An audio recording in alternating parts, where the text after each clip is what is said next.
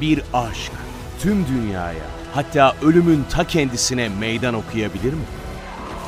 The Walking Dead, The Ones Who Live, şimdi ve sadece TV Plus'ta.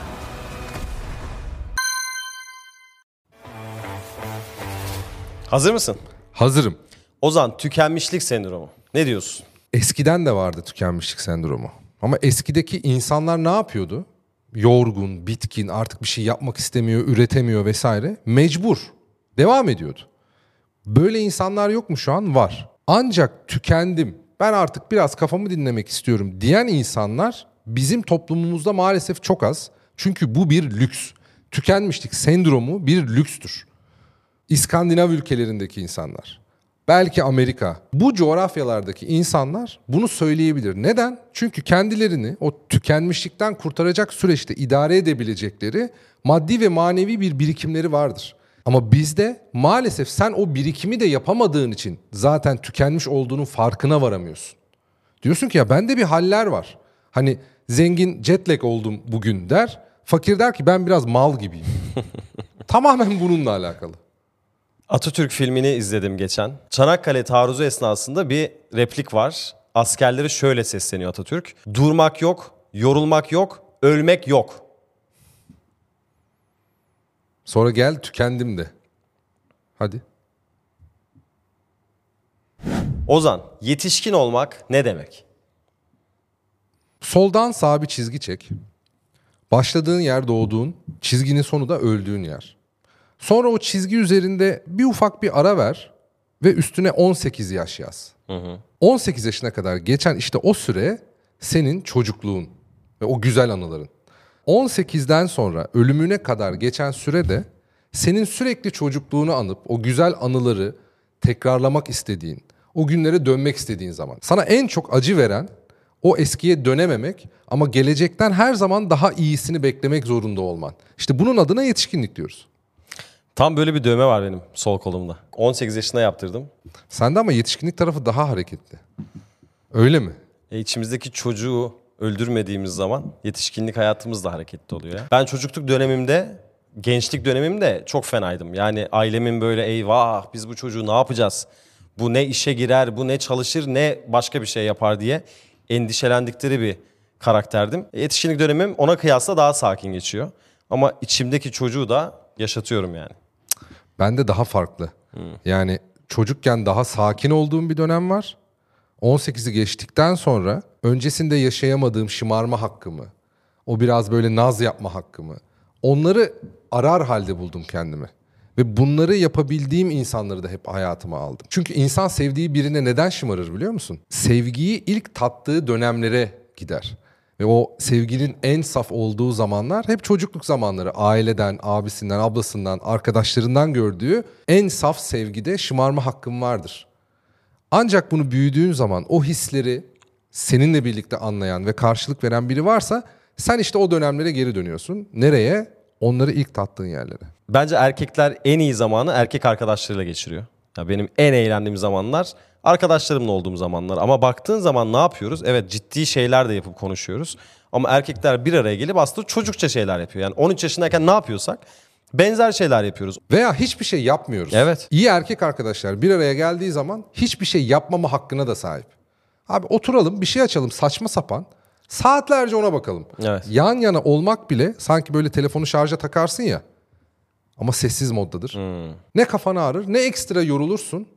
Ama aynı zamanda tekrar enerji de olmaya başlarsın. Evet abi biz erkek erkeği bir araya gelince ne yapıyoruz sanki yani? Ya halı sahaya gidiyoruz, ya poligona gitmek istiyoruz, ya PlayStation oynuyoruz. Çocukluğumuzda yaptığımız her şeyin aynısını yapıyoruz aslında. Demek ki ne oluyor? Hani böyle evli adamlar ya çocuklarla bir haftada bir görüşeyim be dediği zaman aslında adam evliliğinin içerisinde baba olarak, koca olarak, yetişkin olarak zaten bir mesai yapıyor sürekli. Haftada bir gün o arkadaşlarının yanında oynadığı oyunu, yaptığı sohbeti onun aslında çocukluğuna dönüşü belki. Orada şarj olduğu bir alan. Erkeklerin erkeklerle, kadınların da kadınlarla zaman geçirmeye ihtiyacı var. Bak evet biz e, kadın erkek olarak bir elmanın iki yarısı olabiliriz. Birlikte var olmamız gerekebilir. Ama erkeğin erkekle, kadının kadınla kendi içinde yapmaktan hoşlandığı aktiviteleri yapması gerekiyor. Bir de bunun içerisinde de partnerler yan yanayken çocuk olabilecekleri bir alan bulabilirlerse o zaman gerçekten e, güçlü bağlantılar kuruluyor. Çünkü en güçlü bağlantılar çocukluktan başlayarak kurulur. Doğru. O yüzden salın adamları gitsinler haftada bir iki gün. e, Siz de kafa yani. dinleyin. Siz de kafa dinleyin. US Foods tarafından yapılan bir araştırma var. Her dört kuryeden biri götürdüğü yemeği tadıyormuş. Yani sana gelen her dört yemekten bir tanesinden bir ısırık alınmış olma ihtimali var. Böyle bir dünya var mı? Ama göz hakkı diye bir şey var. bir bakmış belki kontrol ediyor yani. Hani şöyle bir acaba iyi mi müşterimize rezil olmayalım belki kötü bir şey geldi. Osmanlı'da da var ya. Abi göz hakkı nerede var biliyor musun? Restoranlarda kedilerin göz hakkı ve köpeklerin göz hakkı var. Sen bir yemek yiyorsan etrafta da bir hayvan yanına yaklaştıysa onun kafadan bir göz hakkı var. Tamam. Ona payını vereceksin. Bir de şu olmuyor mu bazen? Bir yemek yiyorsun, bir kedi yaklaşıyor yanına. Ya yediğim yemek senlik değil diye ona onu izah etme sorumluluğu hissediyorsun üzerinde. Öyle bir ihtiyaç hissediyorsun üzerinde. Diyorsun ki bak kuzum bu senlik değil. Böyle tabaktan alıp tek tek koklatarak ona diyorsun ki bu senin yiyeceğin bir şey değil. Ve anlıyor değil mi? Tabii kokluyor böyle diyor ki tamam. Devam edin siz diyor. Problem yok diyor. Yiyemeyeceği bir şeyse. Vallahi aspava yerim abi. Ben hiç aspava yemedim. Yersin. Anlamını biliyor musun? Yok. Allah sağlık, para, afiyet versin amin. Şimdi böyle bir güzel dilek de var. Gerçek mi bu? Gerçek abi. Bir de Ankara'da hep öz aspava. Öz hakiki aspava. Yıldız aspava daha parlayan yıldız aspava. Ürettiğin şey aynı olsa da isimden farklılaşmaya çalışıyorsun. Yemek aynı, özlem paha biçilemez. Onların da hepsinde şey söylerler. Başka şubemiz yoktur. Bu fotoğrafı görmediğiniz yer şubemiz değildir. Güzel. Şöyle bir dayı. Benim Nişantaşı'nda hasta olduğum bir köfteci var biliyorsun. 10 yıldır orada yemek yiyorum ve onun duvarında oraya gelmiş olan ünlülerin fotoğrafları var. Bir gün benim fotoğrafımı oraya asarlarsa işte o gün Asıl başarı, asıl gurur o değil mi? evet babama atacağım ve diyeceğim ki benim köftecide fotoğrafım var. İşte yıldızlar geçidi. Hollywood'dasın. O köftecide varsan olay bitti. Evet orada böyle Pascal Numa, Fatih Terim Hikayeden Sercan.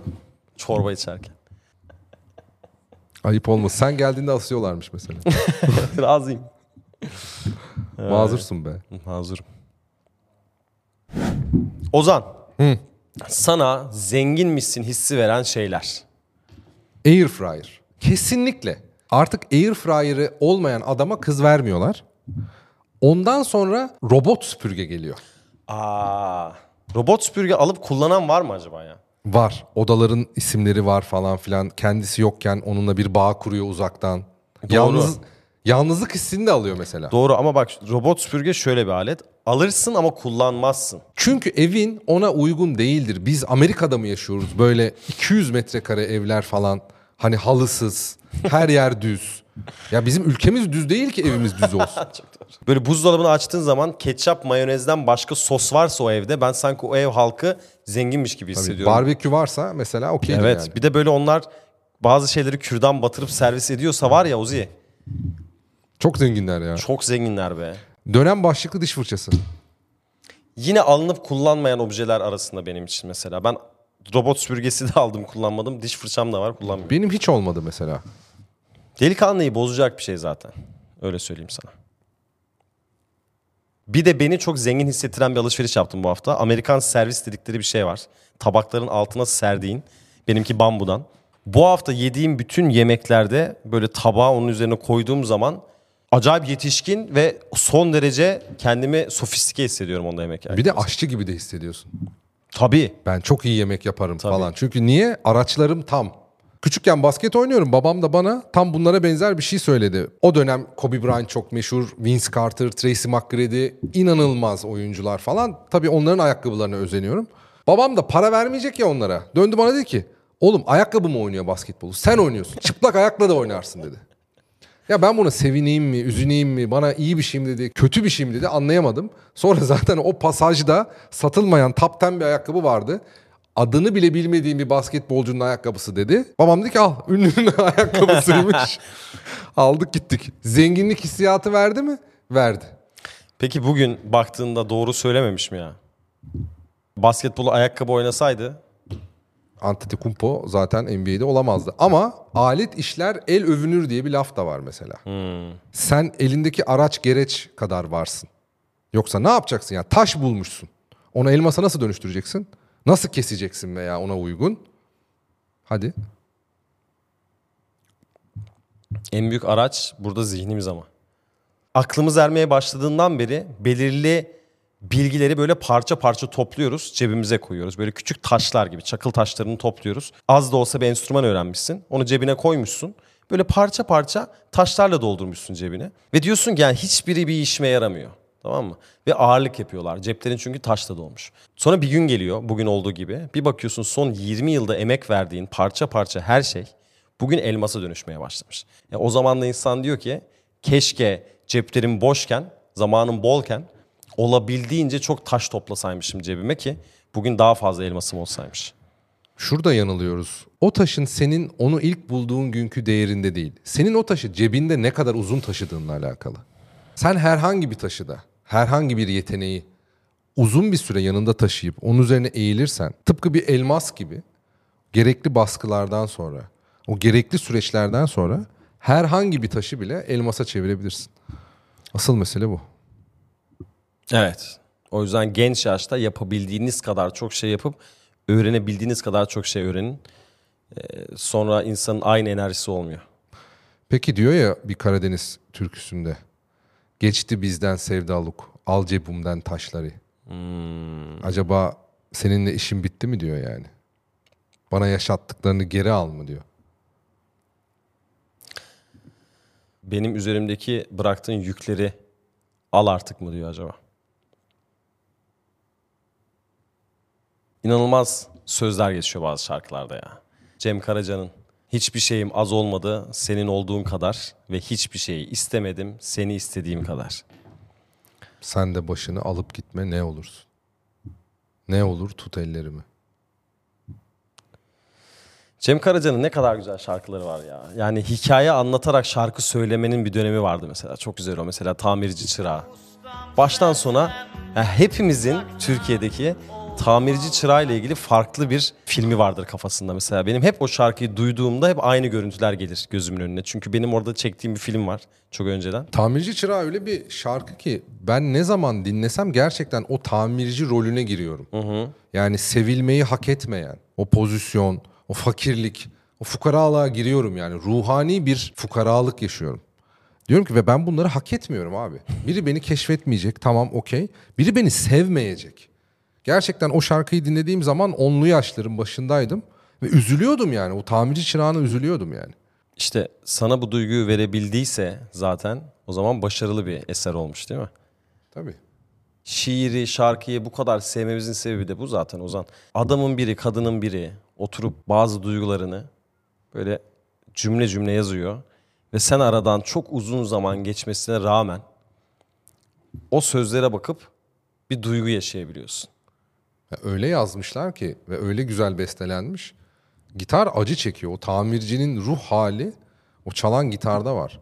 Ve kokusu var o şarkının biliyor musun? Tamirhane kokuyor, is kokuyor o şarkı. Şiir demişken Nazım Hikmet demeden geçebilir miyiz? Geçemeyiz. Seviyorum seni. Ekmeği tuza banıp yer gibi. Geceleri ateşler içinde uyanarak ağzımı musluğa dayayıp su içer gibi. Seviyorum seni. Uçakla ilk defa denizi geçer gibi. Seviyorum seni. Yaşıyoruz çok şükür der gibi.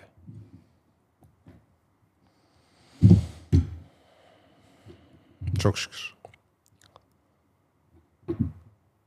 Nazım Hikmet'e buradan bir Fatiha gönderiyoruz. Aynen. Ozi, haftanın kelimesi. Seni çok özledim.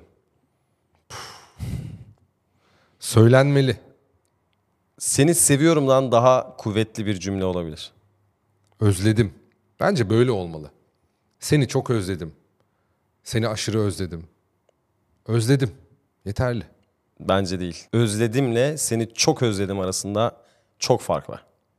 Özledim dedikten sonra aslında o durumdan kaçamadığın çok ciddi bir yoksunluk var. Böyle bir kuyuya atılmış gibisin. Sesin ancak bir kelime çıkabilecek kadar var.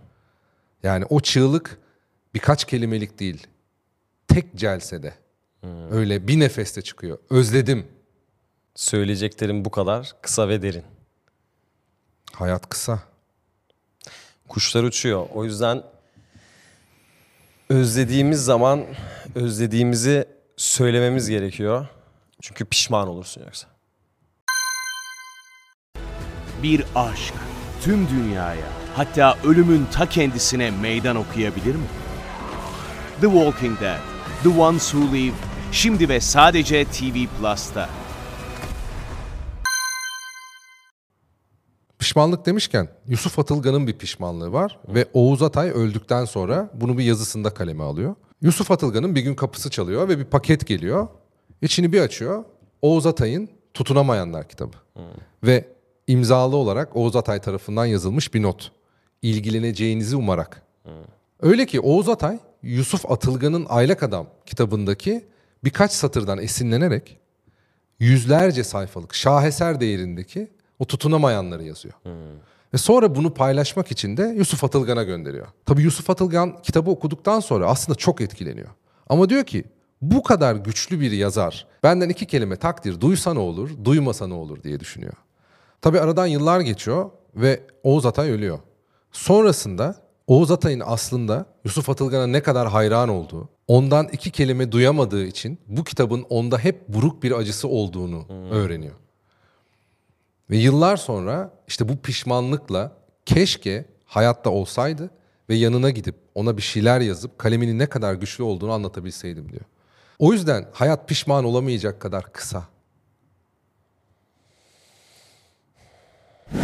Ozan, sana eBay sarısının hikayesini anlatacağım. Bakalım neler çağrıştıracak sana. Şimdi eBay web sitesi ilk yayına çıktığı zaman arka planı tamamen sarı. Bir gün tabii akılları başlarına geliyor. Ulan sarı web sitesi mi olur? Biz bunu diyorlar beyaz yapalım. Bir gecede web sitesini beyaza çeviriyorlar. Ve binlerce şikayet maili geliyor. Başka hiçbir şey değiştirmemiş olmalarına rağmen kullanıcılar diyorlar ki biz arama butonunu bulamıyoruz, aradığımızı bulamıyoruz, bu site çalışmıyor artık filan. Ve tepkilerden dolayı geri dönmek zorunda kalıyorlar sarıya. Ama beyaza da çevirmekte hala kararlılar. Sonra şöyle bir fikir ortaya çıkıyor. Biz her gece sarı rengini bir ton açalım. Beyaz olana kadar. Her gün sitenin rengi bir ton açılıyor. Bir ton açılıyor. Beyaza ulaşmaları birkaç ay sürüyor.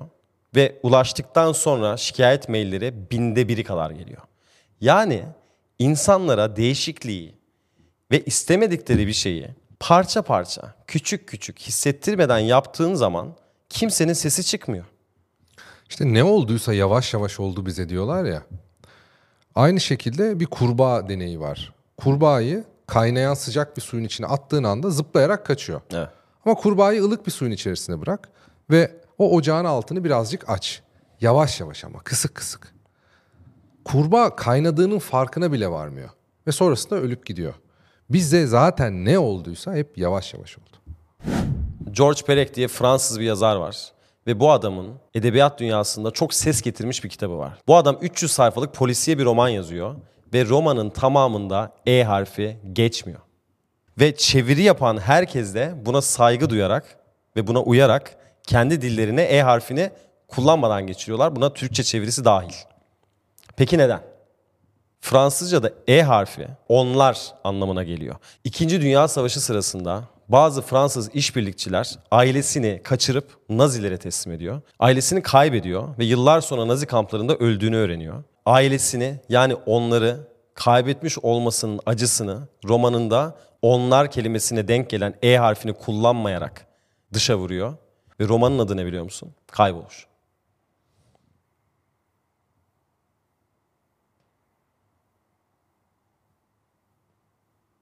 Kayboldum yani. Kaybeden kulübü burası. Gerçekten. Hı, hazırım. Ozancım o zaman soru cevap bölümüne geçiyoruz. En sevdiğim. Heyecanlı mısın? İnanılmaz. Ha. Ozan, özlemek. Abi özlemek erken saatleri alınsın. Sonra uykusuz kalıyoruz. uykusuz kalmadığın bir aşk, bir özlem de zaten gerçekten hissetmediğin bir şey biliyor musun? Çünkü iş güç arasında unutuyorsun onu. Akşam yatıyorsun yatağa. Hop hoş geldin.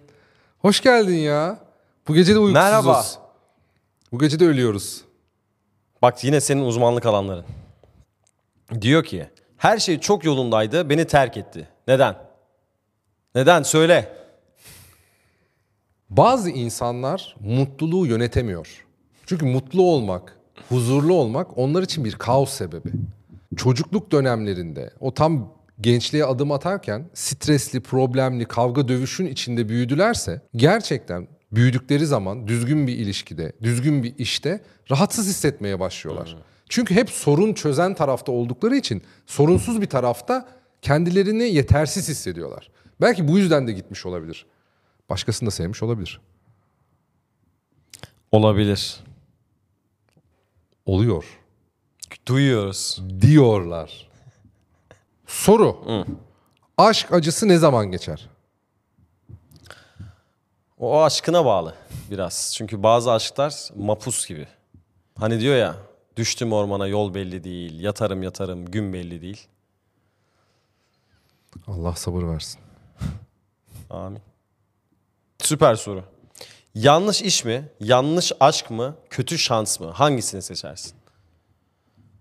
Yanlış aşk. Aşkın doğrusu olmaz ki. Doğrusu olsa aşk olur mu? Olmaz.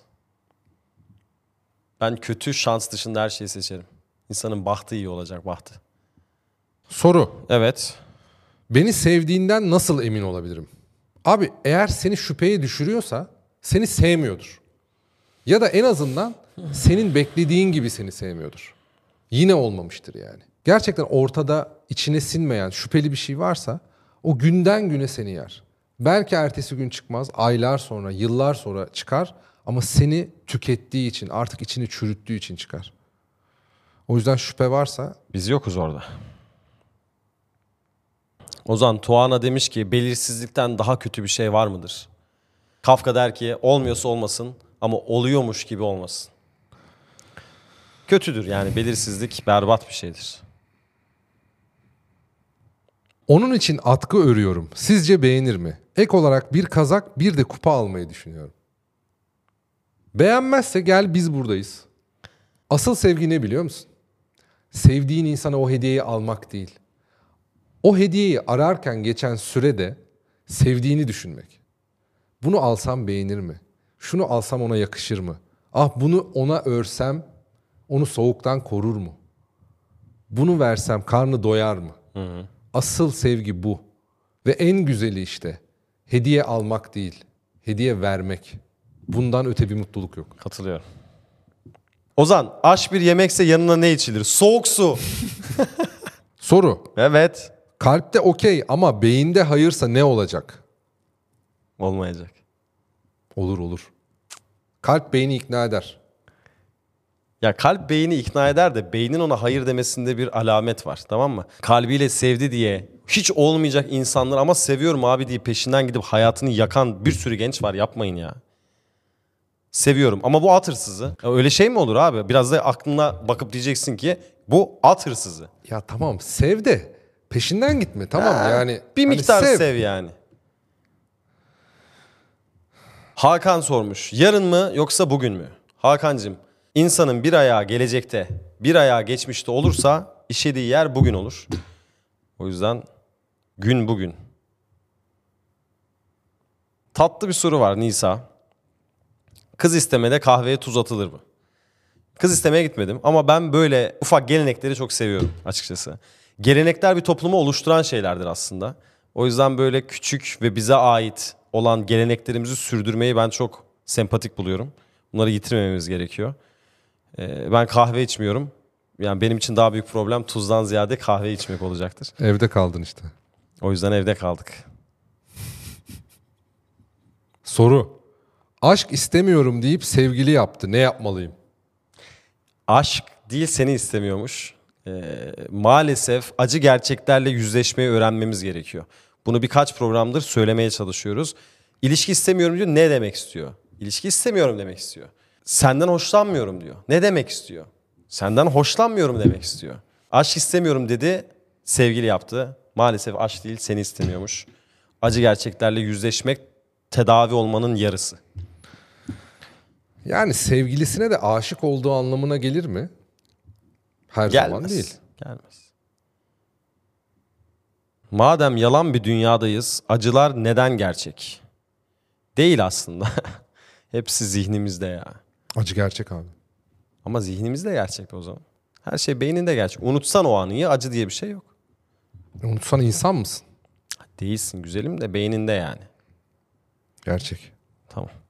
Git acı çeksen şu köşeye. Soru. Reddettikten sonra gelen pişmanlık. Oh iyi olmuş sana. Oh. Müthiş bir soru. Bir kıza nasıl hislerini açıklarsın Ozancığım?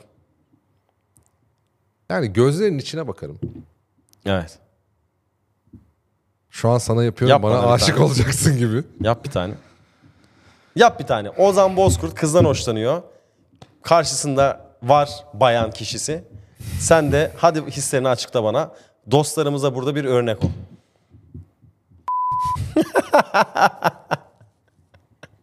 Kızım ben senden hoşlanıyorum. Ben senden hoşlanıyorum. Ben senden hoşlanıyorum ya. Bu kadar ya.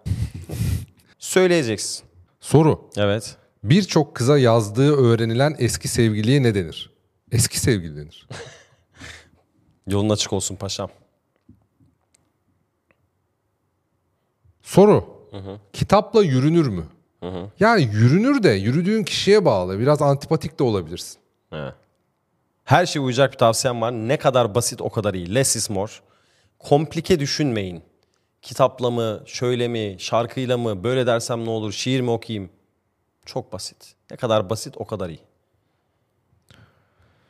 Seni görünce yaşayamadığım çocukluğum geliyor aklıma. Hüzünlenirken kahkahalar atıyorum. Ozan Bozkurt. Yaz bunu. Kitap yazsana sen ya. Soru. Evet. Bir gezegen olsaydınız hangisi olurdunuz? Ben kara delik olurdum ya. Kara delik gezegen mi? Cahal. Gezegenleri yutan bir cisim. O da bir gezegen ama aslında. Değil.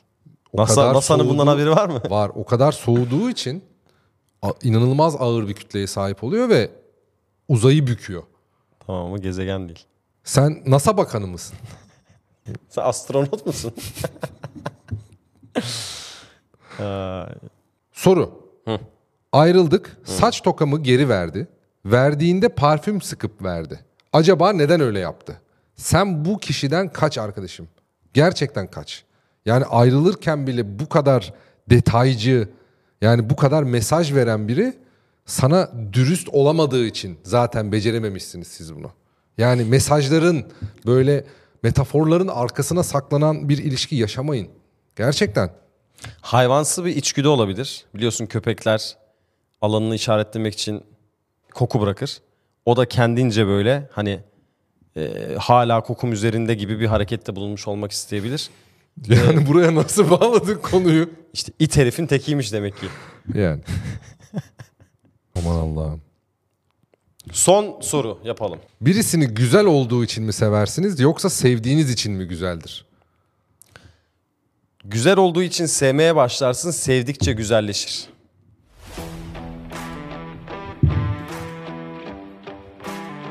Hikayeden adamlar Sona erdi.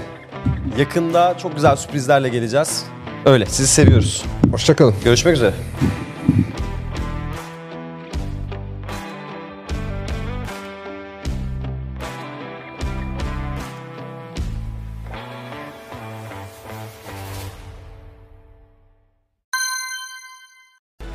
Bir aşk tüm dünyaya hatta ölümün ta kendisine meydan okuyabilir mi? The Walking Dead, The Ones Who Live şimdi ve sadece TV Plus'ta.